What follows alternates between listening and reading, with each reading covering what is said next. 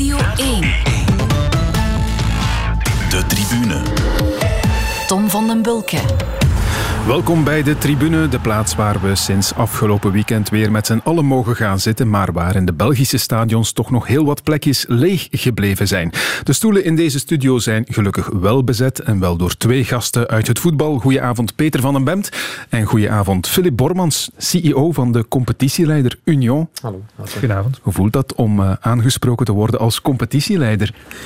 God, dat was vorig jaar ook het geval, maar in een andere competitie dan. Ja, het is nu wel op het hoogste niveau. Ja, dit voelt toch wel net iets beter, ja. ja. Vroeger, als er een onverwachte leider was, dan werden er al eens foto's genomen van de pagina 505 op teletext. Die meer, pagina met het klassement kan niet meer, maar heb je al iets uh, soortgelijks gedaan? Uh, screenshots genomen van het klassement enzovoort? Of hoe zit dat? Goh, we hebben er wel een paar keer naar gekeken. Hè. Ja. Toch wel zeker na die moeilijke start op papier tegen Anderlecht en Club Brugge hadden we dit zeker niet, niet gehoopt. Maar anderzijds denk ik gewoon dat we, ja, dat we daar verdiend staan vandaag. En dat we nu moeten gewoon match per match vooruitkijken. En ja, ik zag dat we veel kijken. Ondertussen heb ik begrepen dat dat net geen moeilijke start is, hoor ik vaak bij kleinere clubs, die ook in de, al wel een keer in de oren fluisteren van mensen die daarover gaan. Ja, wij graag in de zomer nog tegen de grote ploegen, die dan nog ja, in volle voorbereiding zijn. Uh, spelers hebben die vaak uh, laat zijn toegekomen en die pas uh, vanaf september, oktober onder stoom komen. Het is een dubbel. Hè. Enerzijds, al, je moet sowieso tegen elke ploeg tweemaal spelen, dat is duidelijk. En als je er tegen moet spelen, speel je inderdaad misschien liefst ja, ja. vooraan.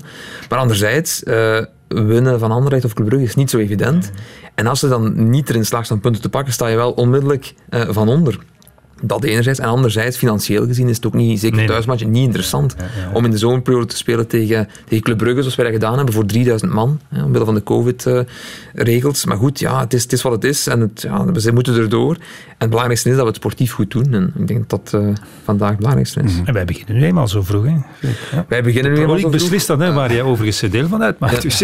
nee, dat klopt. En ik, we hebben daar al heel veel discussies over gehad, hè, om, om eventueel later te beginnen. Want dat heeft ook te maken met de Europese kalender. Um, met de Rode Duivels, daar zijn misschien wel allee, nog verbeteringen, denk ik, vatbaar. Maar anderzijds ja, is het wat het is. En, en we staan er nu al voor. Volgend seizoen wordt het nog uh, veel moeilijker hè, met het WK uh, in Qatar. Dus, Ook dat heeft het uh, Belgisch voetbal over zichzelf afgeroepen. Hè, door nog een extra seizoen, uitgerekend dat seizoen, waarin er midden in het seizoen in de winter een wereldkampioenschap wordt gespeeld. Om dat ook nog vast te houden aan die uitgebreidere competitie, zal ik maar zeggen. Ja, goed, maar de play-offs zijn dan weer korter. Dus het komt uiteindelijk maar op twee matchen verschil. Het blijft sowieso een, een moeilijk verhaal. Um, maar goed, we zullen wel kijken hoe dat we dat kunnen oplossen. En ik denk dat we met midweekvoetbal ook wel veel kunnen doen. Als we vergelijken met andere competities, denk ik dat er nog wel rijk op, op die kalender moet zitten. Hm. Kijk, voor je het weet zijn we al uh, verwikkeld geraakt in een discussie over de competitiekalender. Nu, Filip, uh, jij bent uh, CEO dus van Union, Brusselse club. Dat spreekt voor zich, maar ik hoor geen Brussels accent. Hè? Nee, ik ben, ik ben een Limburger. Dus, ja. Ja, ja, maar wel bij Union verzeild geraakt. Sinds uh, wanneer? Sinds uh, drie seizoenen geleden, sinds de club werd overgenomen door onze Engelse holding. Oké, okay, daar gaan we het straks uitgebreid over hebben. Nu eerst de momenten van de week. En jammer genoeg moeten we het dan twee keer hebben over een afscheid. In het ene geval niet onverwacht, in het andere geval des te meer. Het was schrikken toen we vorige vrijdag plots hoorden dat Frank Berrier overleden was. En Philippe, het is jouw moment van de week geworden. C'est avec euh, énormément de tristesse que nous avons appris hier la disparition de Franck Berrier. Aussi sympathique en dehors des terrains qu'efficace sur la pelouse, le joueur ne laissera que de bons souvenirs. En ce jour, nos pensées vont avant tout à la famille et aux proches de Franck Berrier, mais également aux joueurs, dirigeants et supporters qu'il a côtoyés durant sa carrière, Standard de Liège, FC Malines et plus particulièrement le KV Ostende qu'on reçoit ce soir. Pour la grande famille du football, je vous demande d'observer une minute de silence. Frank Berrier, Fransman, 37 jaar geworden, maar speelde in België voor uh, Zulte Waregem, stond daar maar vooral voor KV Oostende. Wat wil je hierover vertellen, Filip? Goh, ik vond het vooral een uh, ja, zeer pakkend moment. Um, het is heel triestig nieuws en heel onverwacht ook dat een jonge man hè, van 37 jaar amper zo onverwacht komt overlijden, ondanks dat hij gekend was voor, voor, voor hartproblemen, dat het dan toch nog kan gebeuren, dat, dat brengt je toch wel met de voetjes enerzijds op de grond. Hè, het beseffen van, oké, het, is, het is maar één leven dat we hebben. En anderzijds um, ook heel mooi om te zien hoe pakkend dat de, dat de voetballers, voetbalspelers die daarmee omgaan. En dan besef je toch wel dat zijn allemaal jonge gasten die ja, sinds hun ja, kunnen sinds ze kunnen lopen, eigenlijk bezig zijn met profvoetballer te willen worden, die samen opgroeien. En daar ontstaan echte vriendschappen rond. En als je dan ziet ja, wat dat met die jongens doet, dan, dan besef je eigenlijk pas echt uh, het leven. Ja, ik zag uh, dat uh, bij Kortrijk Kevin van den Dries heel aangedaan was. Hij heeft natuurlijk lang met hem samengespeeld bij KV Oostende, was daar lang een van de sterkhouders ook. Van den Dries nu bij Kortrijk, dus dat was jullie tegenstander afgelopen weekend. Heb je dat gezien? Want die was echt in tranen. Ja, en ik, ah, begrijpelijk ook. Die jongens die staan uh, samen op en gaan samen met me slapen. En die, die, die werken samen. Dat, daar ontstaan hechte vriendschappen. En uiteraard, als, als, als straks een, een hechte vriend uh, verliest, dan gaat dat juist hetzelfde zijn natuurlijk. En op die moment wordt er dan eerbetoon gebracht. En je moet dan wel onmiddellijk aan de aftrap staan. Je moet er staan, hè, want uh, het fluitsignaal gaat en je moet er staan. Dus echt chapeau. Uh, dat die jongen die knop zo kan, uh, zo kan omdraaien. Ik denk dat, uh, enfin, het waren de beste vrienden. Ik denk ja. dat, dat Berrier, de Peter, was van een van de kinderen van, van Andries of omgekeerd. Dus ze mm. waren zeer close, heb ik ja. begrepen. Berrier Peter werd de kleine generaal genoemd. Um, ja, wat vond je van hem als speler? Wel, uh, het, het, was eigenlijk een, een fluwele artiest in het, uh, in het lichaam van een noeste werker. Want uh, ik zou zeggen, hij, hij, zag er niet uit de manier waarop hij bewoog. Het was niet, ik zal niet zeggen, het was niet de, de gracieuze Charles de Ketelaar mm. over het veld schrijdt. Dus hij liep altijd een klein beetje gebogen zo. Maar hij had fantastische voeten, kon geweldig voetballen. En was ook iemand die... Uh, in wie topwedstrijden het beste uh, naar boven haalde. Hij was altijd op zijn best tegen de grote ploegen, dan wou hij het nog een keer bewijzen. En hij was een zeer geschikte voetballer voor, voor ploegen zoals Zulte Waregem en KV Oostende, uh, waar hij ja, die ploegen naar een hoger niveau kon tillen en waar hij af en toe geweldig presteerde. Maar ik denk dat hij het niet in zich had om, om dat bij een echte topclub, zoals hij mm. heeft geprobeerd heeft bij Standaard, waar hij dat natuurlijk elke week moet doen. Of toch mm. negen keer op de tien. Mm. Ik denk dat dat voor Frank Barrier iets minder, uh, iets minder haalbaar was. Maar hij, ja, hij, had een, hij had een afstandsschot, maar vooral vista. Uh, heel fijne techniek, uh, zag het uitstekend, kon, kon een ploeg doen draaien. Dus ja, het was wel als hij zijn dag had, was het een lust voor het oog natuurlijk. Ja, helaas eh, veel te vroeg afscheid moeten nemen van eh, Frank Berrier. Peter, jouw moment van de week heeft ook te maken met een afscheid. Dat van Gert Muller, de Duitse doelpuntenmachine. Hij is 75 geworden, overleden na een uh, flink aantal jaren van ziekte. En hij laat een enorm palmares achter. Grabowski. Dat gaat ineens Bonhoff en hij is vrij open. Bonhoff en hij komt erdoor en daar is de voorzet naar Muller. Muller in de schietkant, Muller scoort 2-1. Zijn we er toch ingetuind? Zijn we er toch ingetuind? Niederlande. Zet voor. Duitsland. 1 En hij zet inderdaad nog goed op het verkeerde been. En de niet afgeschermde hoek. Daar schoot de geroutineerde naar Jones. En vlak voor rust brengt hij Duitsland op 2-1. Gert Muller werd in 1974 eh, wereldkampioen met West-Duitsland. 2-1 in de finale toen tegen Nederland. Um, ja, het doelpunt van de overwinning was van hem, van Gert Muller. En je hoorde daar de commentator zeggen, ja, we zijn er toch ingetuind. Zijn we er toch ingetuind. En ik, ik ga beginnen met te zeggen, uh, ik heb Gert Muller natuurlijk mm. niet zien spelen in die periode. Uit de jaren 70 was ik nog maar ja, een, geen baby meer, maar toch een heel prille, prille klein kind natuurlijk. Maar ik heb er nu veel over gelezen, veel gekeken ook naar zijn doelpunten de voorbije jaren. En dat was blijkbaar toch typisch Gert Muller. Je tuint erin. Hij was onzichtbaar, was een soort spook eigenlijk. En ineens dook hij op en scoorde hij. Want eh, zoals hij zelf een, eh, een paar jaar geleden nog een keer aan, of, of misschien al tien jaar geleden. Uh, het was vrij simpel. Ik wilde een goal, zei hij. De bal achter de lijn. Meer was het voor mij niet. Dus hij zocht niet naar de schoonheid, nee, zocht naar de efficiëntie. En, en uh, als de grootste Duitse voetballers uh, aller tijden, zoals Beckenbauer en zo zeggen. Nee, de grootste, de belangrijkste speler voor het Duitse voetbal en voor Bayern München is Gert Muller. Niet vergeten, hij is met, met Bayern München gepromoveerd. Is er naartoe gegaan toen ze nog in de tweede klasse speelden. En toen was hij 18 in de klas dat hij toen ook al 33 doelpunten maakte. En als je kijkt naar uh, records die zijn blijven staan uit zijn, uit zijn periode. Ik heb uh, die, die 85 doelpunten in een kalenderjaar. Uh, dat is pas verbeterd door Lionel Messi in 2012, die er dan uh, 91 maakte, maar wel negen wedstrijden meer mocht spelen. Dat record van Lewandowski, dat kennen wij, dat is uh, onlangs nog in de actualiteit geweest. En eh, al naar gelang de bron heeft hij 718 doelpunten gemaakt, of het is een groot verschil. 1497, maar misschien ja. zijn die op training erbij. Maar in elk geval, het was een, een atypische Duitse spits. Spitsen die wij uit Duitsland kenden toch waren Rubesch, tanken voorin. En hij was eigenlijk een soort, zou je kunnen zeggen, uh, valse negen avant la lettre, omdat hij zijn kleine postuur had, vaak uh, onzichtbaar afhaakte in, en, en plots weer opdook. Dus mhm. niet zo'n typische nummer 9, waar, waar, Duitsland later toch veel profijt heeft uitgehaald. en blijkbaar was hij ook zeer bescheiden.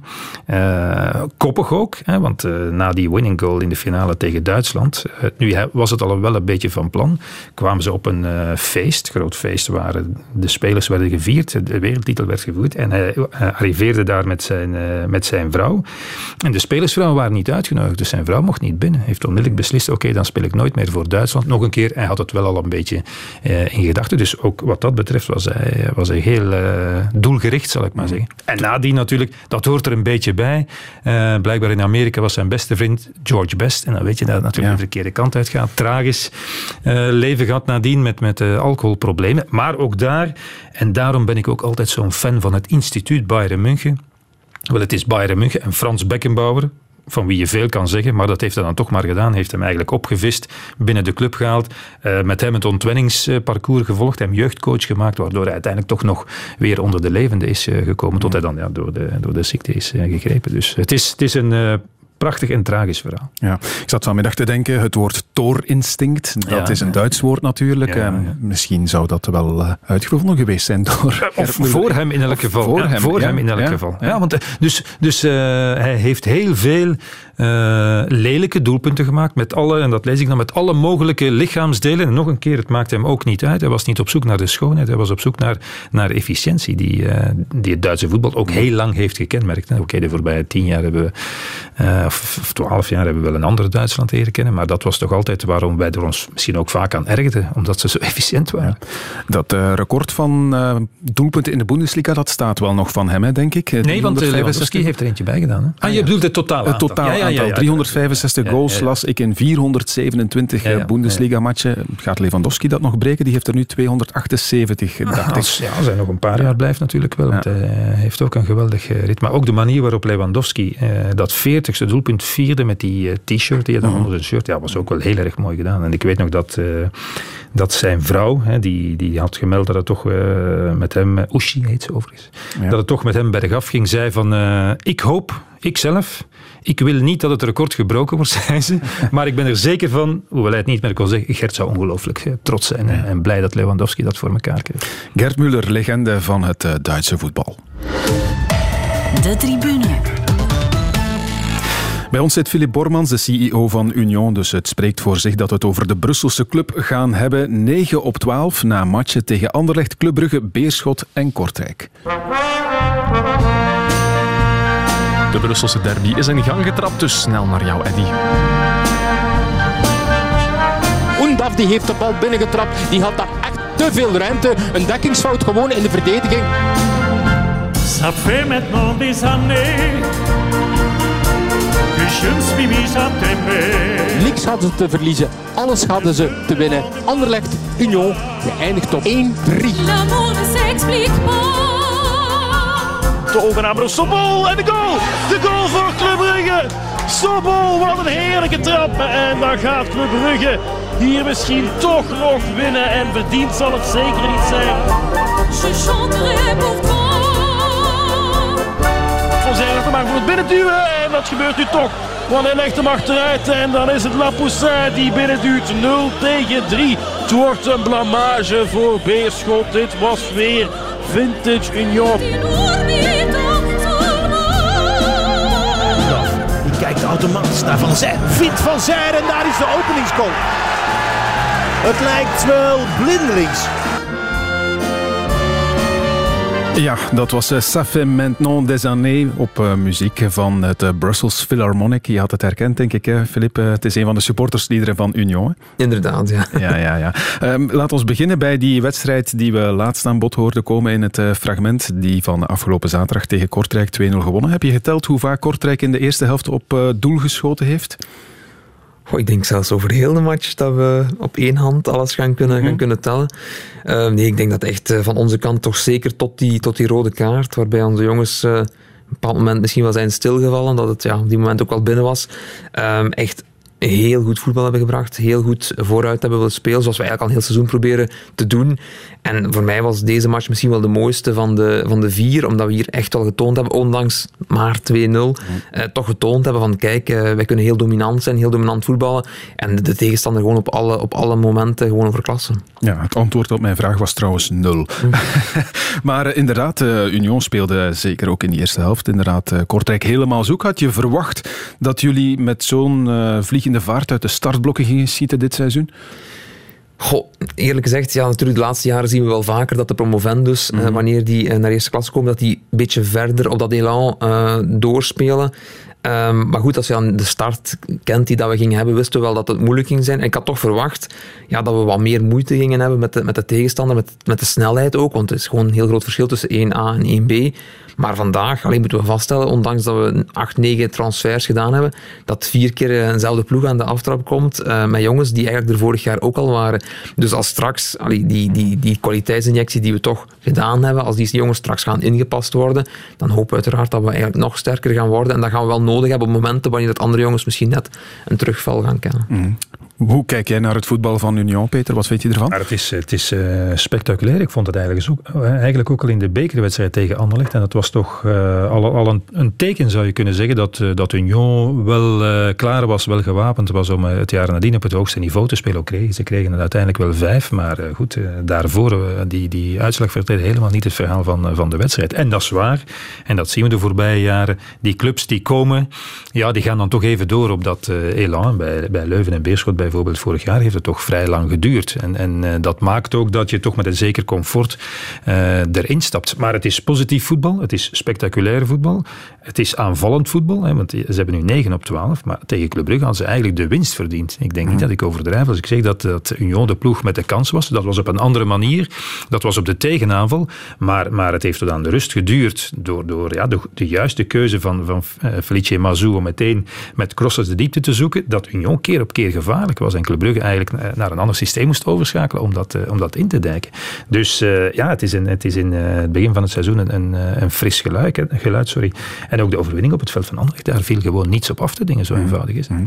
Acht keer gescoord tot nu. Vijf van die doelpunten komen van het spitsenduo Van Zer-Oendaf. Laat ons zeggen dat dat de mannen zijn die momenteel wel het meest in de kijker lopen. Ja, die, die lijken elkaar wel blindelings te vinden hè, op het veld. Ja, inderdaad. Ik denk dat, dat die natuurlijk al een jaar samen gespeeld hebben. En uh, dat heeft zijn tijd gehad om te groeien en dat, dat rendeert nu inderdaad. Uh, maar niet alleen hen, ook alles daarachter. Het is gewoon één hecht blok, een, een, een goed blok. En die jongens kennen elkaar door en door. Mm. Ze waren er inderdaad ook uh, vorig seizoen al. Ze schieten blijkbaar ook best wel op naast het veld. En wat me opviel is dat ze ja, na bijna elke wedstrijd nu samen een interview geven. Finally, finally. I'm happy for him. And now you will see, he will score a lot of goals. And now he has the confidence again. We voelen elkaar goed aan. Hij, hij vindt mij, hij weet wat mijn loopacties zijn. Ik weet hoe dat hij speelt. En ik denk dat dat tegenwoordig met de ogen dicht gebeurt. Uh, maar inderdaad, mijn eerste goal, direct de openingsgoal, was, uh, was belangrijk voor, het, voor de ploeg en voor mezelf ook. En ik hoop dat, uh, dat ik kan verder gaan op dit elan. Ja, Oendaf had al vier keer gescoord. Nu heeft ook Van Zijr zijn eerste gemaakt van het seizoen. Hebben jullie veel moeite moeten doen na het seizoen om hen te houden eigenlijk? Goh, ik denk dat iedereen die bij ons speelt toch wel vrij hongerig was. Hè. Het is vooral moeilijk denk ik, om spelers te overtuigen om naar 1B te komen. Dat is vooral de, de, grote, de grote moeilijkheid. België, tweede klasse, mhm. staan ze niet echt voor te springen. Als je dan die stap kan zetten naar eerste klasse, dan denk ik dat dat al iets makkelijker is uh, om die jongens bij u te houden.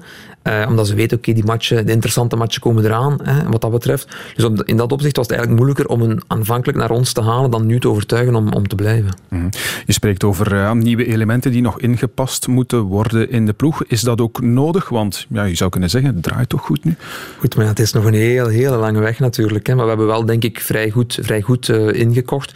En die jongens die gaan hun tijd nodig hebben om zich aan te passen. En die worden nu mondjesmaat, worden die gebracht.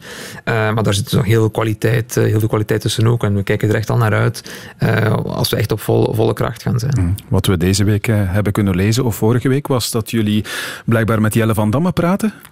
Ja, maar dat is natuurlijk ook een beetje opgeblazen. Ik kan, ik kan zeggen dat, uh, dat eigenlijk onze ploeg normaal gezien volledig is, dat er geen transfers meer zullen gebeuren. Nee, maar jullie hebben wel gepraat. Er zijn contacten geweest, zoals daar dagelijks contacten zijn met, mm. met verschillende spelers en makelaars. Maar er is, er is niks concreet. niks concreet dus met andere woorden, Jelle van Damme is eigenlijk aangeboden, maar jullie hebben geen nood aan Nee, daar is, Jelle van con- Damme. daar is contact geweest, maar allee, we hebben beslist dat we eigenlijk voorlopig geen, eh, geen spelers wel, ja. gaan, eh, gaan tekenen. Oké, laten we eens kijken naar ja, de Club Union in handen van eh, Tony Bloom, een steenrijke Britse gokmiljardair. Wat voor iemand is dat eigenlijk? De club is in handen van, van een holding, hè, waar dat Tony Bloem eh, meerderheidsaandeelhouder van is. Het is vooral Alex Muzio, die als voorzitter een actieve rol heeft eh, binnen de club. En ehm, ja, goed, Tony is ook voorzitter van, eh, van Brighton en hij is, ja, hij is niet echt actief betrokken met de werking. Het is vooral eigenlijk Alex Muzio die vanuit, vanuit Engeland mee opvolgt hier, hier in België. Maar ik moet zeggen, die mensen hebben echt super positief, geven absoluut heel veel vertrouwen aan, aan ons, geven ons heel veel ruimte ook om ons, om ons werk te doen.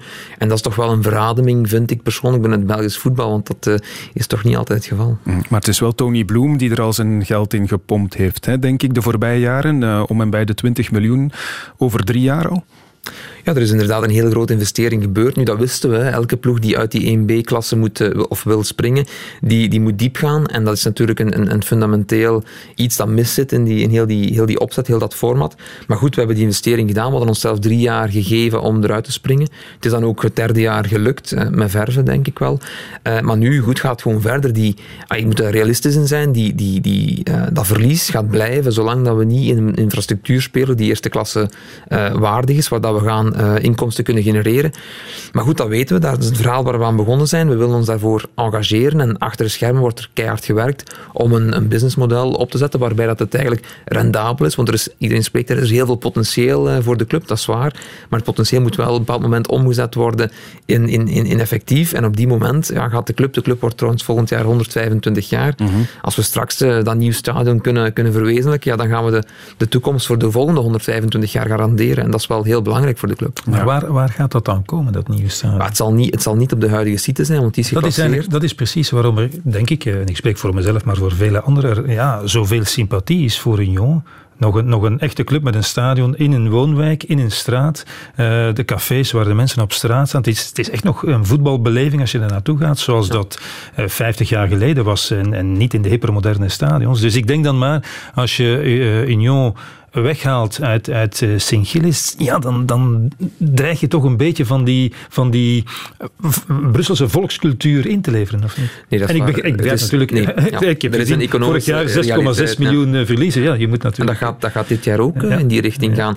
En dat is gewoon heel logisch, want 80% van ons stadion is onoverdekte staanplaatsen. Ja. dat is gewoon heel moeilijk. Om, om, je hebt voetbalsupporters en je hebt voetbalconsumenten. Je moet een goede mix van de twee hebben.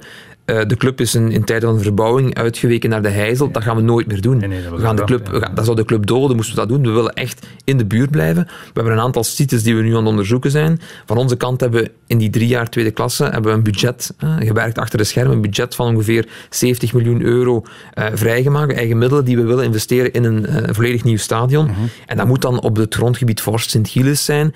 Want anders, als we daar buiten gaan, dan gaan we gewoon de, de ziel van de club doden. En dan willen we absoluut beschermen. En ik denk, er zijn genoeg verhalen, voorbeelden zoals KV Mechelen bijvoorbeeld, waar dat ze ook het stadion vernieuwd hebben. En volledig 100 procent. het is nog altijd op dezelfde site. Het is op dezelfde site, dat, bedoel het- ik nu precies. Maar het stadion heeft geen enkel element meer van het, van het, van het oude. hè. Maar ze hebben daar wel, ze zijn er echt, ze hebben stappen vooruit gezet eh, qua beleving, qua, qua, qua aantallen. En toch die sfeer en die, en die eh, authenticiteit behouden. En dat moeten, we, dat moeten we als voorbeeld nemen. En we moeten gewoon realistisch zijn dat het is een heel mooi verhaal en het is heel leuk. En, en het is prachtig om dat te kijken, zeker in de zomer. In de winter is al wat minder. Maar we moeten gewoon realistisch zijn. En deze club verdient een mooi stadion en verdient het om op eigen benen, want daar gaat het over, om op eigen benen te kunnen Zie je dat op termijn mogelijk? Is, daarvoor, is er daarvoor genoeg potentieel? Zit- Kan, kan de Club Union zo in dergelijke mate groeien dat je zegt van wij hebben de centen van bloem niet meer nodig, we kunnen zelf bedruipend zijn?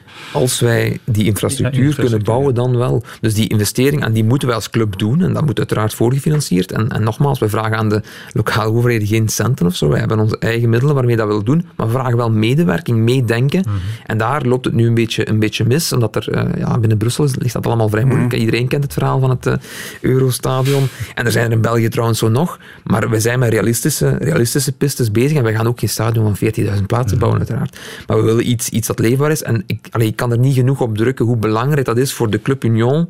Want je spreekt over Union, maar dat is een patrimonium van 125 jaar voetbalgeschiedenis. De derde meest succes- succesvolle club van het land nog altijd. Maar het is wel belangrijk dat we dat beschermen, dat we dat eh, beschermen voor de komende 125 jaar. En dat moeten we realistisch in zijn, met elk jaar 5 miljoen verlies. Een opgebouwd verlies nu van bijna 20 miljoen, zoals u zelf aangaf. Mm -hmm. Moeten we realistisch in zijn, dat is geen lange termijn, uh, lange termijn planning. Hè. Dus we moeten echt wel... Ik moet er nu op duiden, er, is, er doet er nu een kans voor om die investering te doen, waarbij dat we de garantie geven voor de volgende 125 jaar. En ja. dat is net zo belangrijk, want die investeerders die lopen niet zo dik gezaaid. Hè. En op die site is het gewoon onmogelijk. Zo. Onmogelijk, ja. Dat is een volledig geclasseerde site, maar nogmaals... Die er is ook geen parking hè, of zo in de buurt. Oh, dat kunt... is nog een andere zaak. Ja. Nee, maar het nogmaals, stadion daar op die leuke... Dan iedereen moet maar kijken. Ja. Maar nogmaals, en dat vind ik ook wel een belangrijk punt, Peter, het stadion zal altijd deel uitmaken van dat patrimonium. Wij zullen altijd zorgen dragen. We hebben van de zomer nog 1 miljoen euro geïnvesteerd in een nieuwe grasmat, hybride veld, veldverwarming. We gaan de verlichting nog aanpakken, dat we een optimaal comfort kunnen geven. En we gaan die site, de, het, de façade wordt nu ook gerestaureerd, daar gaan we blijven zorg voor dragen dat als de volgende generatie komt, hè, want uh, investeerders komen en gaan, als die komen, dat ze kunnen beslissen van terug te gaan en op, op een lager niveau te gaan spelen, dan, dan zijn alle kaarten, alle mogelijkheden zijn daar. Maar voor onze ambitie die wij koesteren voor de komende 10, 20 jaar, mm -hmm. is dit gewoon onmogelijk. Daar moeten we realistisch in zijn. En om dat te willen doen, hebben we een nieuw stadion nodig. Ja, het is, het is uh, een prachtige plek voor voetbalromantici, inderdaad. Maar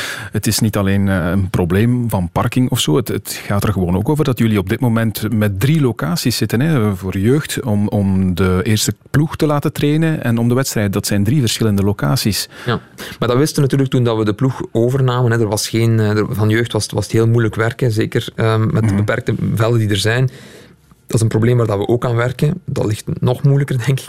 Het stadion, dat is nu echt topprioriteit. Daar moeten we nu echt een punt van, enfin, hebben we een punt van gemaakt. Zijn we echt keihard aan het werken achter de schermen. En wat is de termijn daarvoor? Maar de termijn is eigenlijk dat we, dat we dit seizoen kleur kunnen bekennen. Dat we dit seizoen kunnen zeggen van kijk, dit is de richting dat we uitgaan. Dat we perspectief kunnen geven. Want je moet zich ook inbeelden, de mensen die in die straat wonen, dat is inderdaad heel leuk. Maar als u s morgens om zes uur op moet en het is de dag ervoor Union Anderlecht geweest en uh, mm. de, de Union heeft gewonnen, dan kan ik u verzekeren dat je weinig slaap gaat gehad hebben.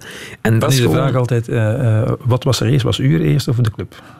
Ja, de, en de mensen die gekomen zijn na de club, ja, hebben eigenlijk geen recht van spreken. Dat is waar, maar het, het stadion is ooit gebouwd in 100, 100 uh, jaar geleden. Ja, en toen was het voetbal anders dan het voetbal vandaag. Ja, de club is dan weg geweest en voor, we zijn nu na een, na een halve eeuw terug en het voetbal, profvoetbal, bestond toen niet. Nee, nee. Dus dat is gewoon niet te vergelijken. Je kan, je kan zeggen, ja, een, voetbal, een voetbalmatch is een voetbalmatch, maar ja, u weet ook, nee, alles wat ermee komt voor kijken. Overlast, ja, ik heb echt, echt alle begrip voor die mensen en als we straks perspectief kunnen bieden, dan die mensen zijn echt allee, open voor, voor conversatie en, en we proberen er alles aan te doen, maar op de lange termijn is het gewoon onhoudbaar. Geen stadion van 40.000 toeschouwers, wat moet het wel worden? Is er al een plan getekend? Of? Ja, er, is een, er, is een, er, is uiteraard, er worden altijd plannen getekend. En wat dat we eigenlijk willen is in verschillende fases. Hè. We willen een stadion bouwen in drie fases, waarbij dat we eigenlijk beginnen met, met 14.000.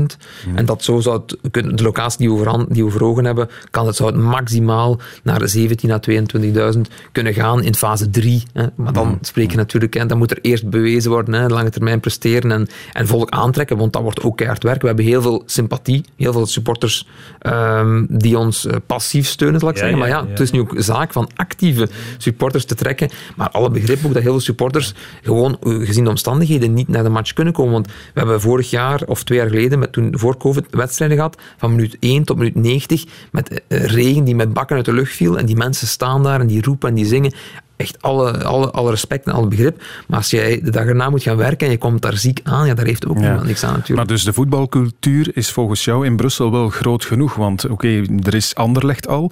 En ik denk dat daar de meeste supporters al van buiten Brussel komen. Je denkt dat er voetbalcultuur genoeg is om, om dat potentieel te benutten bij Union? De Brusselaar gaat naar, eh, naar eh, Union kijken. Of- of er- of naar, RWDM, of naar ja. RWDM, wil ik net zeggen. En- dus, en- dus Anderlecht is, is eh, nationaal en, en bij wijze van spreken lokaal. Mhm. Echt Brussels. Ja, zijn, eh, Ja. En ik, ik merk dat eh, vorig jaar hebben we dat heel veel gezien met eh, de derby eh, RWDM Union. En dat zien we nu met de derby met Anderlecht. Dat versterkt elkaar. Hè? Want de mensen worden verplicht van kleur te bekennen. Hè? Je bent ofwel voor Anderlecht ofwel voor Union. Iedereen spreekt daarover. Anderlecht profiteert daarmee van. Wij profiteren daar ook van. Dat dat creëert een bepaalde sfeer die, die in Brussel niet geleefd heeft de laatste twintig jaar, denk ik. En dat is juist heel goed. En ja, het potentieel is er. Er wonen 1 miljoen mensen. Uiteraard gaat niet iedereen naar het voetbal. Maar het, het brengt wel iets teweeg. En ik voel dat Anderlecht ook die, die, die, die toets met Brussel probeert eh, terug te vinden. En ik denk dat wij daarin helpen. We versterken elkaar daarin. De sfeer in het eh, uh, Jozef Marienstadion is in elk geval eh, geweldig. Eh, ze een stukje meegeven.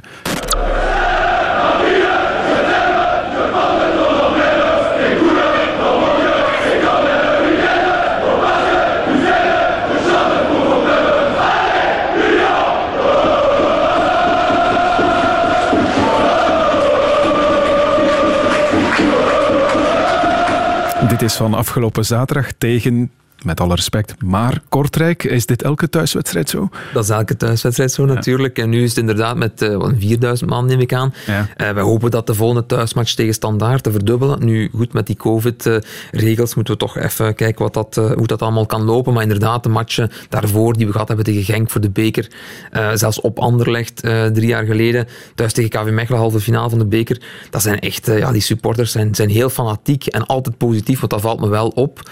Um, hoe hoe positief ze achter het ploeg staan na de match, na de verliesmatch tegen Club Brugge. En we daar nog uh, ja, uren, bij wijze van spreken, staan zingen, supporters, uh, onze spelers aanmoedigen. En dat is echt wel knap.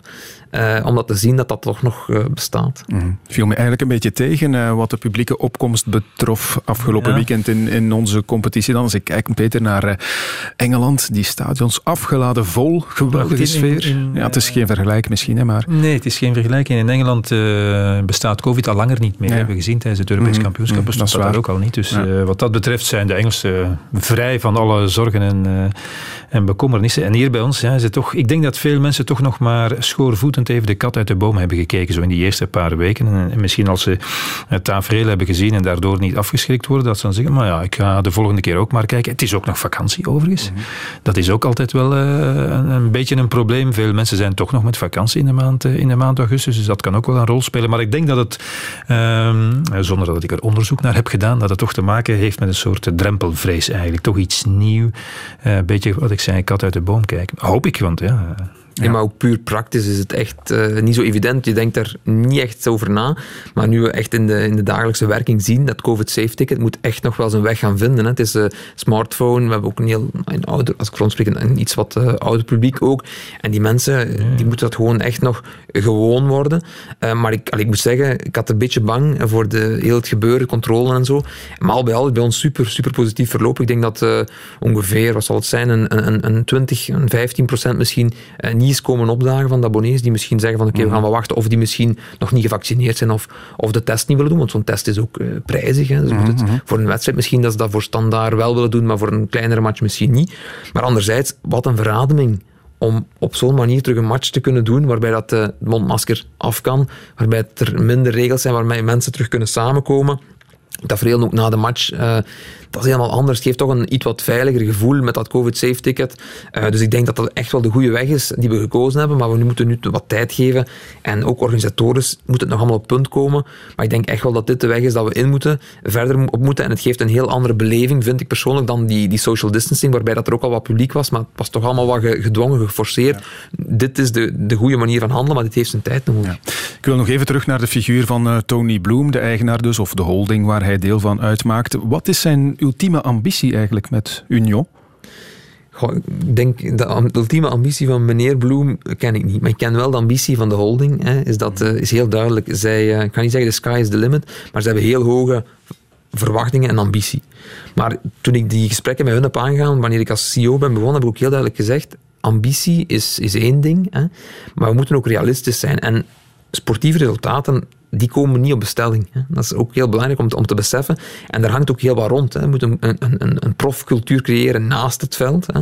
Omkadering, uh, jeugdwerking, maar ook uh, alles daar rond. Hè. En heel dat stadionverhaal. Dus het is heel moeilijk om nu te zeggen, ja, wij willen absoluut binnen de vijf jaar, willen we dit en dit en dit gaan bereiken. Dat hangt, er hangt zoveel dingen van af. En wij moeten echt gewoon groeien, stap voor stap. De intenties zijn er, die zijn heel goed. En ik denk dat we al bewezen hebben dat we sportief dat we al in staat zijn van een goede ploeg te kunnen samenbrengen. Maar om, om echt over ambities te spreken, moet het totaalplaatje de, de hoogte in. En daar moeten we nu keihard aan werken. En daar hebben we niet altijd alles in de hand. En dat is ja. nu eenmaal zo hier in, in, in België.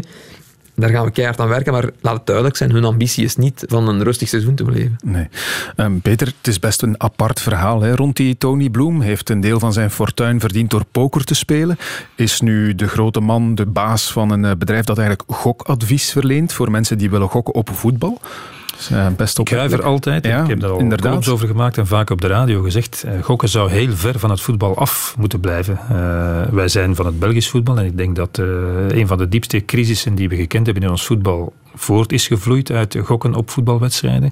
Maar goed, uh, het is blijkbaar een, een uh, bedrijfstak uh, die wel nog veel geld in de, in de sport wil pompen. En ik zie dat iedereen, en de Pro League en de Bond en alle clubs op één na, hè, en dat heeft dan te maken met de cultuur van de eigenaar in, in Eupen, ja, toch zijn geplooid. Zelfs Cercle Brugge met nog wat een ongelukkige communicatie erbovenop een jaar of twee geleden. Ja, voor het geld van het gokken. Zo eenvoudig is het. En, en in de ideale wereld, en er zijn landen waar dat gebeurt, Italië als ik me niet vergis, ja, wordt, uh, wordt alles wat naar gokken ruikt, ver van de, van de sport in het algemeen, maar zeker van het voetbal weggehouden. En, en uh, uh, één ding, gokken op voetbalwedstrijden en alle mogelijke misbruiken die daarmee te maken kunnen hebben, dat is één ding.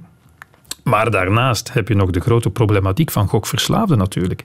Wat vaak ook jonge mensen zijn. En dat, dat begint altijd, hè, die vergelijking maken specialisten, zoals een drugsverslaafde ook begint met een onschuldige joint. Begint een, een gokverslaafde ook met ja, eh, een, paar, een paar eh, centen inzetten op, uh, op een sportwedstrijd. Mhm. Maar goed, ik begrijp natuurlijk dat in het, uh, in het businessmodel van het voetbal en ook van andere sporten, dat ja, dat er dan eenmaal een blijkbaar nog altijd onuitputtelijke geldbron kan worden aangeboord, zoals dat vroeger misschien met, met de tabaksindustrie het geval was. Ja, hoe kijk jij daar naar, Filip, naar de problematiek die Peter aanhaalt? Nee, maar vooral duidelijkheid, wij hebben ook geen, geen sponsor met, die zich bezighoudt met voetbal. Eh, betting, zal ik zeggen, met de bettingindustrie. Onze hoofdsponsor is dan Lotto, maar specifiek het, het, omdat het ook een veel meer gecontroleerd uh, gegeven is. Hè. Eh, Lotto valt onder veel strengere regels. En inderdaad moeten die regels misschien in België eens herbekeken of aangescherpt worden. Want ik denk dat daar nog wel wat marge op is. Als je de vergelijking maakt met de gewone, met de gewone betting of de gewone kansspelen, zal ik zeggen. Maar um, als ik mag spreken voor, voor wat ons bedrijf betreft wij, um, allee, wij hebben daar een heel duidelijke visie en we houden ons daar ook allee, heel ver van af. Onze eigenaar levert inderdaad data aan, uh, mm-hmm. aan, uh, af aan, aan bedrijven. Wat dat betreft, maar allee, wat onze werking betreft, is dan, is dan heel duidelijk een strikt uh, gescheiden, gescheiden gebeuren. Ja. Oké. Okay. Maar goed hoe. De tribune. Union staat dus op kop van het klassement met evenveel punten op dit moment als Oostende. Dat is ook best uh, verrassend. Maar in een normale wereld uh, zal dat natuurlijk niet blijven duren. Want een aantal topclubs lijkt uh, stilaan op dreef te komen. Peter Club Brugge met 0-4 gaan winnen bij Zotewaregem. Is die trein vertrokken? Dat kan ik na één wedstrijd niet zeggen. Maar nee. het was in elk geval vele, vele, vele malen beter dan wat ze tot hiertoe hebben laten zien. ik vond Club Brugge indrukwekkend. De manier waarop ze hebben gevoetbald start was een beetje schroef en, en ik vond Zultuarium eigenlijk nog wel een minuut of 20, 25 eh, goed meevoetballen. Maar eens uh, de ketelaren, Van Aken ook, uh, lang hun duivels ontbonden, ja, was er geen houden meer aan eigenlijk. En vorig jaar was het 0-6, wel dat had nu ook nog heel erg makkelijk gekund. Als club een beetje bij de les was geweest in, in de afwerking, had je opnieuw zo'n afstraffing. En nog eens, oké, na de 0-2 valt het bij Zultuarium dan echt wat, wat uit elkaar, maar ook daarvoor...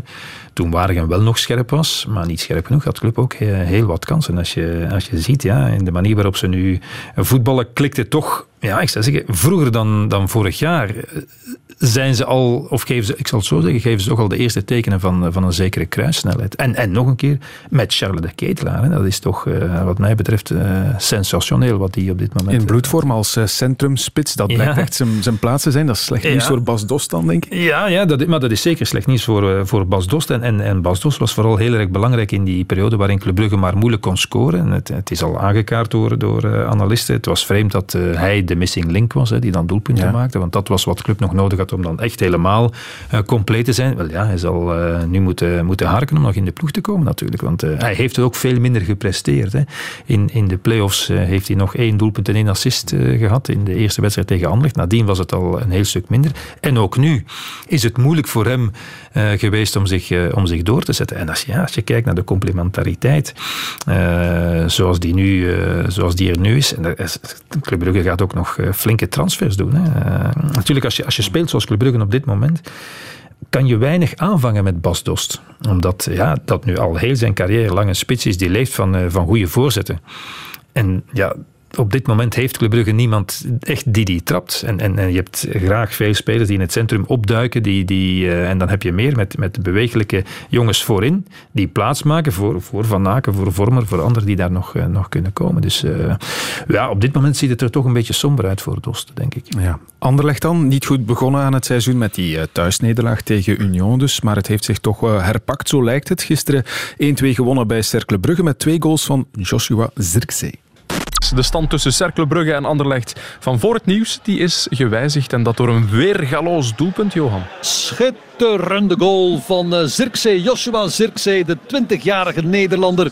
En hij geeft hier zijn visitekaartje af in uh, deze wedstrijd. Heeft dat eigenlijk ook al in uh, vorige wedstrijden gedaan. Maar hij maakt dus een uh, tweede doelpunt in deze eerste helft. Wie weet, wie weet is hij op weg naar een uh, zuivere hattrick. Ik ben een spits die graag in de bal komt, graag meevoetbalt. ik kan onverwachte balletjes geven en goed meevoetballen. En ja, ik denk dat de samenwerking met Benito heel erg ja, goed loopt. Hij is een spits die meer diep gaat en ik denk dat we daarin, ja, daarin gaat het inderdaad heel goed. Maar de Belgische competitie is uh, natuurlijk gewoon... Uh, weet je, als je hier niet 100% geeft, dan heb je hier ook niks te zoeken. Vandaag lees ik uh, van alles over wat een voltreffer die Zirkzee wel niet kan worden voor Anderlecht. Kan wat worden, durf zeker. jij daar al over te zeggen? Maar, maar, Mogen we een match al vergeten? Wel, daarvoor moet hij natuurlijk nog een paar doelpunten ja. maken. Maar, maar wat hij voor heeft op Metja is gestalte en, en kracht in. hij kan ook blijven staan. Metja was vooral door zijn bewegelijkheid en, en gaten trekken, de hoeken induiken, was zijn grote kwaliteit. Was ook wel stevig in duel. Maar, maar hij heeft de gestalte mee. Hè. Dat, uh, ze hebben er nog een paar spelers bij met gestalte. Anderlecht was eigenlijk uh, kansloos op, op uh, standaard situaties. Had geen, geen luchtmacht. Die is er nu bijgekomen. En ja, die paar keer dat ik hem nu live aan het werk heb gezien, heeft hij een grote indruk op mij gemaakt. Door de techniek die hij heeft, zoals hij een paar keer tegen Serijn was het zeker thuis. Spelers vrij voor doel zetten. Hij is bewegelijk. hij kan me terug naar de goal spelen. werkt hard. Voor toch iemand die een beetje als een vedette werd, werd aangekondigd. En, en uh, ja, kan dan blijkbaar toch een, een doelpunt maken. Al begon hij in Laggi, maar dat zullen weinig mensen gezien hebben, met een reuze misser. Dat was het eerste wat hij daar deed. Een geweldige kans missen. Dus ja, hij heeft het potentieel. Maar goed, dat was bekend natuurlijk. Anders betaalt Bayern München niet, of ze hebben niet zoveel betaald, maar haalt Bayern München niet zo'n speler naar, naar Duitsland natuurlijk. Dus dat hij het potentieel heeft om veel en veel hoger te mikken dan Anderlecht, ja, dat weten we.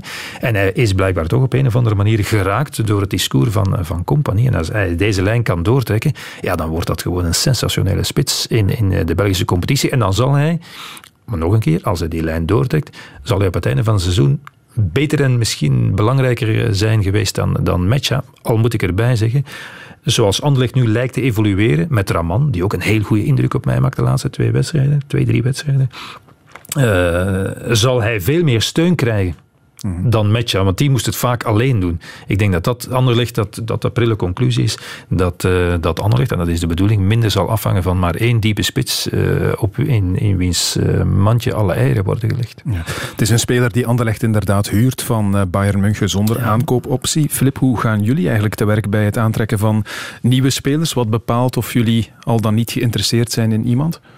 Ik denk dat dat... Uh, allee, we, hebben heel, we beschikken over heel veel data. Hè. Daar, daar begint het mee. Dat is de, de grote triage, zal ik zeggen. Dat brengt ons ook op plekken waar dat uh, andere clubs misschien niet komen. Dat is de data uh, die ook gebruikt wordt door het bedrijf achter Tony Bloem. Data die gedeeld worden, inderdaad, ja. in, in grote lijnen. En uiteraard, de, de, echte triage gebeurt hier bij ons. Hè, met Chris O'Loughlin, sportief directeur. Met de coach ook voor een stuk, met de voorzitter. waarbij dat we dan in detail gaan kijken. Oké, okay, wat heeft deze club nodig? Je hebt op een bepaald moment heb je investeringen. Die moeten renderen op lange termijn. En dan heb je sportieve noden, die moeten ingevuld worden. Dan kijken we meer naar de coach. Wat is er nodig om van dit geheel? Wat zijn de ontbrekende linken? En dan kan het ook wel eens zijn inderdaad dat er een speler moet, moet of kan gehuurd worden. Maar dat is dan vooral eigenlijk uit sportieve noodzaak. Maar de grote lijnen zijn inderdaad van jongens te vinden die, die onder de radar, zoals ze dat mm-hmm. zo mooi noemen, uh, zijn om die aan te trekken. En, en dat heeft ons ook bij spelers zoals Dennis Oendaf, die het derde Ja, die komt Duitse dan van klasse. een Duitse derde klasse, inderdaad. Uh, Ja. Vinden jullie die dan via die statistieken, via die data? Die, die worden, allee, dat zijn spelers die in die grote, in die grote lijsten, scoutinglijsten staan. En dan worden die uiteraard bekeken. Maar allee, als we spreken over data, dan denken mensen altijd dat dat computers zijn die, die berekeningen maken. Zo, dat is niet waar. Dat gaat, dat gaat hem echt over. Er zitten mensen achter. Dat zijn, dat zijn mensen um, die die wedstrijden bekijken. Die, en, en zo komen er, worden er data opgesteld. Die lijsten die komen dan die komen bij ons. En uiteraard, allee, de echte triage, het echte werk gebeurt hier in Brussel of in Lier. Uh, waar dat die spelers worden bekeken. Als je en ook, zegt, als je zegt uh, oké, okay, we zoeken een, een uh, rechterflankaanvaller. Hoeveel komen er dan bij jou terecht? Als je Dan zegt de triage, bij- tot hoeveel is het herleid? In, in, in, in Brussel komt er dan een lijst van een 10, 15-tal namen die kunnen aangevuld worden. Hè, met namen die, die hier worden opgepikt hè, door onze Ja, sportieve dat is toch directeur. flink, de eh, flink Ja, en dan wordt die bekeken. Maar natuurlijk, er zijn, allee, er zijn eh, financiële beperkingen, er zijn eh, contractuele beperkingen. Dan gaan we kijken met de coach, oké, wat, hebben, we- wat hebben we juist nodig eh, qua, qua karakter, qua ingesteldheid. En dan gaat, gaan we altijd het gesprek aan van, oké, wat voor iemand is dat? Want we kijken ook altijd, en daar gaat onze sportieve staf echt wel heel ver in, eh, onder leiding van Chris, van oké, met wat voor persoon hebben we hier te maken? Hè? Eh, want, want dat maakt toch wel mee welke beslissing dat we gaan nemen. We kijken echt wel heel ver. We gaan niet zomaar op eh, iemand die één, twee mooie doelpunten heeft gemaakt. Dus we gaan daar echt wel heel diep in. En ik moet zeggen, op de lange termijn is dat toch wel de, de enige juiste manier om, om, om dat te benaderen. Zijn er nog veel clubs die, die op diezelfde manier werken? Als, steeds eh, meer hoor. Ja. Steeds meer clubs. Ja. ik denk dat, eh, dat eh, data de laatste, ik denk vijf jaar zou ik bijna zeggen, misschien wat later dan, dan in het imperium van, van meneer Bloem, ja, dat data ongelooflijk belangrijk wordt. Ik denk dat bijna alle clubs daarmee bezig zijn. De een staat er al wat verder in dan de andere. Hè. Ook, ook Anderlecht heeft, deed een beroep op een databureau, of hoe moet ik dat dan precies noemen? Dus ja, dat is ook, ook Hein van Hazenbroek verwees nog een keer naar de data die hij gebruikte om, om de prestaties van zijn ploeg te beoordelen. Ja, dat is, eh, dat is gangbaar ondertussen. Oké.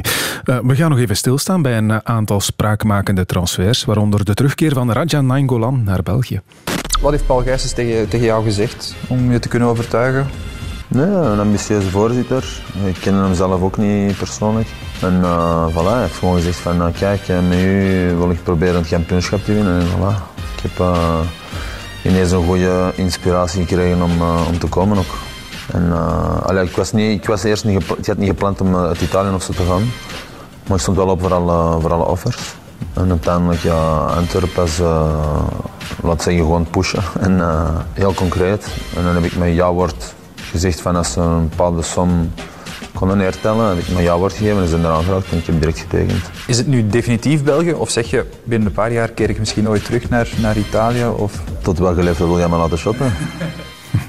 Dat was eh, Raja Nainggolan in een interview met Eleven Sports. Peter, ja, hij is inderdaad niet meer de jongste, maar eh, de beste Nainggolan is zonder meer een aanwinst. Ja, eh, op, alle mogelijke vlakken vind ik dat een, een leuke transfer, laat ik het zo zeggen. Ik denk dat hij een grote meerwaarde kan hebben voor, voor Antwerpen. En dat is al vaker gezegd. Hij kan zijn ervaring meebrengen. Hij heeft gepresteerd op een veel hoger niveau dan, dan dat waarop in België wordt, wordt gevoetbald. En oké, het is niet meer de allerbeste Raja Nainggolan, veronderstel ik.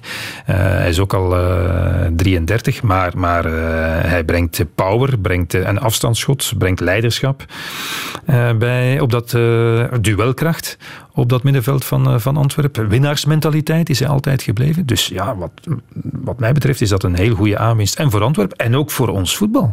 Ehm, eh, omdat het, eh, in, en dan bedoel ik dat in de positieve zin, een kleurrijke figuur is. Bij wie je een quote zal kunnen gaan rapen na, na een wedstrijd. En die ja, geen blad voor de mond neemt. Dus wat dat betreft, ja. En, en, hij gaat natuurlijk moeten beseffen dat alle schijnwerpers, op, schijnwerpers liever op hem zullen gericht zijn. Ook buiten het veld in zijn stad Antwerpen. Dus ja, ook daar zal naar gekeken worden. Hè. Niet door ons, maar voor, door, andere, door andere media. Dus eh, ook, ook eh, daaraan is hij natuurlijk blootgesteld. Hè. Die eh, in de anonimiteit zal hij niet kunnen, kunnen vertoeven. zal moeilijk, en dat vind ik jammer voor alle duidelijkheid, een keer op zijn gemak ergens op een terras in Antwerpen kunnen gaan zitten. Zal, zal altijd wel iemand op de loer liggen. Helaas. Zo is dat. Met zijn transfer is nog maar eens de grenzeloze ambitie ook gebleken van Paul Gijssen. Hè? Want ehm, oké, hij zegt het daar ook zelf na Angolan in het interview. Er is mij gezegd, we willen kampioen worden. Dat is eh, nu weer eens eh, uitgesproken. Ja, en, en eh, ze kunnen dat op de Bosal nog ontkennen, maar het is toch altijd tegenover Club Brugge. Hè? Het absolute toptarget, denk ik, of een van de van Club Brugge was Balikwisha. Wel ja, die halen ze dan toch eh, naar, eh, naar Antwerpen met eh, meer geld. Zo eenvoudig is het. En de uitleg daarna, ja, meer kunnen spelen daar. En zo is het natuurlijk van de speler zelf. Maar goed, meer geld. Tekenpremie die ze bij Club Brugge niet wilden betalen, legt Paul Gijsens toch gewoon neer. Dus in zijn ambitie om, om Bart Verhagen de loef af te steken, want dat speelt ook mee natuurlijk, hè, die, die grote bouwpromotoren tegen elkaar, ja, is, eh, is niets hem te veel. En, en dat, dat mag wat kosten. En terwijl, ja, ik, ik had de indruk dat het hem bij wijze van spreken frustreerde dat Luciano D'Onofrio op een andere manier werkte. Namelijk dat hij dat geld, en dat, dat zei Paul zelf toen ook, dat hij voortdurend wilde aanbieden dat Donofrio dat niet nodig had. Dat hij op een, op een ja, wat geleidelijker aan manier Antwerpen uh, tot een topclub wilde, wilde laten worden. En, en uh, wat ik wel denk dan, toen ik uh, de communicatie dan zag, om dan voortdurend de vergelijking te maken met Club Brugge en de toch licht ongelukkige uitspraak te doen over Hans van Aken, ja, dat zou ik achterwege laten. Want daarmee verraad je dan toch hè, ja. dat het dan toch altijd tegenover Club Brugge is. Terwijl je natuurlijk moet proberen je eigen weg te gaan. En als je een echte topclub bent, ja, dan kijk je niet naar anderen, dan kijk je voortdurend naar jezelf. En ik vind het uh, ook vreemd en verontrustend enigszins dat hij zei, wij hebben geen sportief directeur nodig. Ja. Dat is toch een vreemde, een vreemde vaststelling. Uh, ja. uh, dus hij werkt nu met Sven Jaak en misschien een aantal adviseurs die, die spelers aanbrengen. Maar een, een voetbalclub die geen technisch directeur, dus met andere woorden geen echt sportieve know-how nodig heeft. En Sven Jacques is de eerste om te zeggen van ja, ik heb dat eigenlijk wel nodig, dat moeten we dringend aanwerven, heeft hij nog een tijd geleden gezegd. Ja, dat is gevaarlijk. Terwijl hij tot voor een tijd uh, eigenlijk benadrukte hoe belangrijk Luciano Donofrio wel niet was voor uh, Antwerpen. Terecht ja, ook, ja. dus ik denk dat die verdienste niet kan uh, overschat worden. Philippe, we hebben het ook al gehad over de ambitie van Union. Je zei daarnet, onze ambitie is ook groot. Dat zal niet zijn om rustige seizoenen door te maken in 1A, maar ik veronderstel toch, ja, die clubs als Antwerp, Club Brugge, dat jullie daar nog wel uh, heel Tuurlijk, ver van afstaan. Daar, zijn we, ay, daar moeten we niet ja. over doen.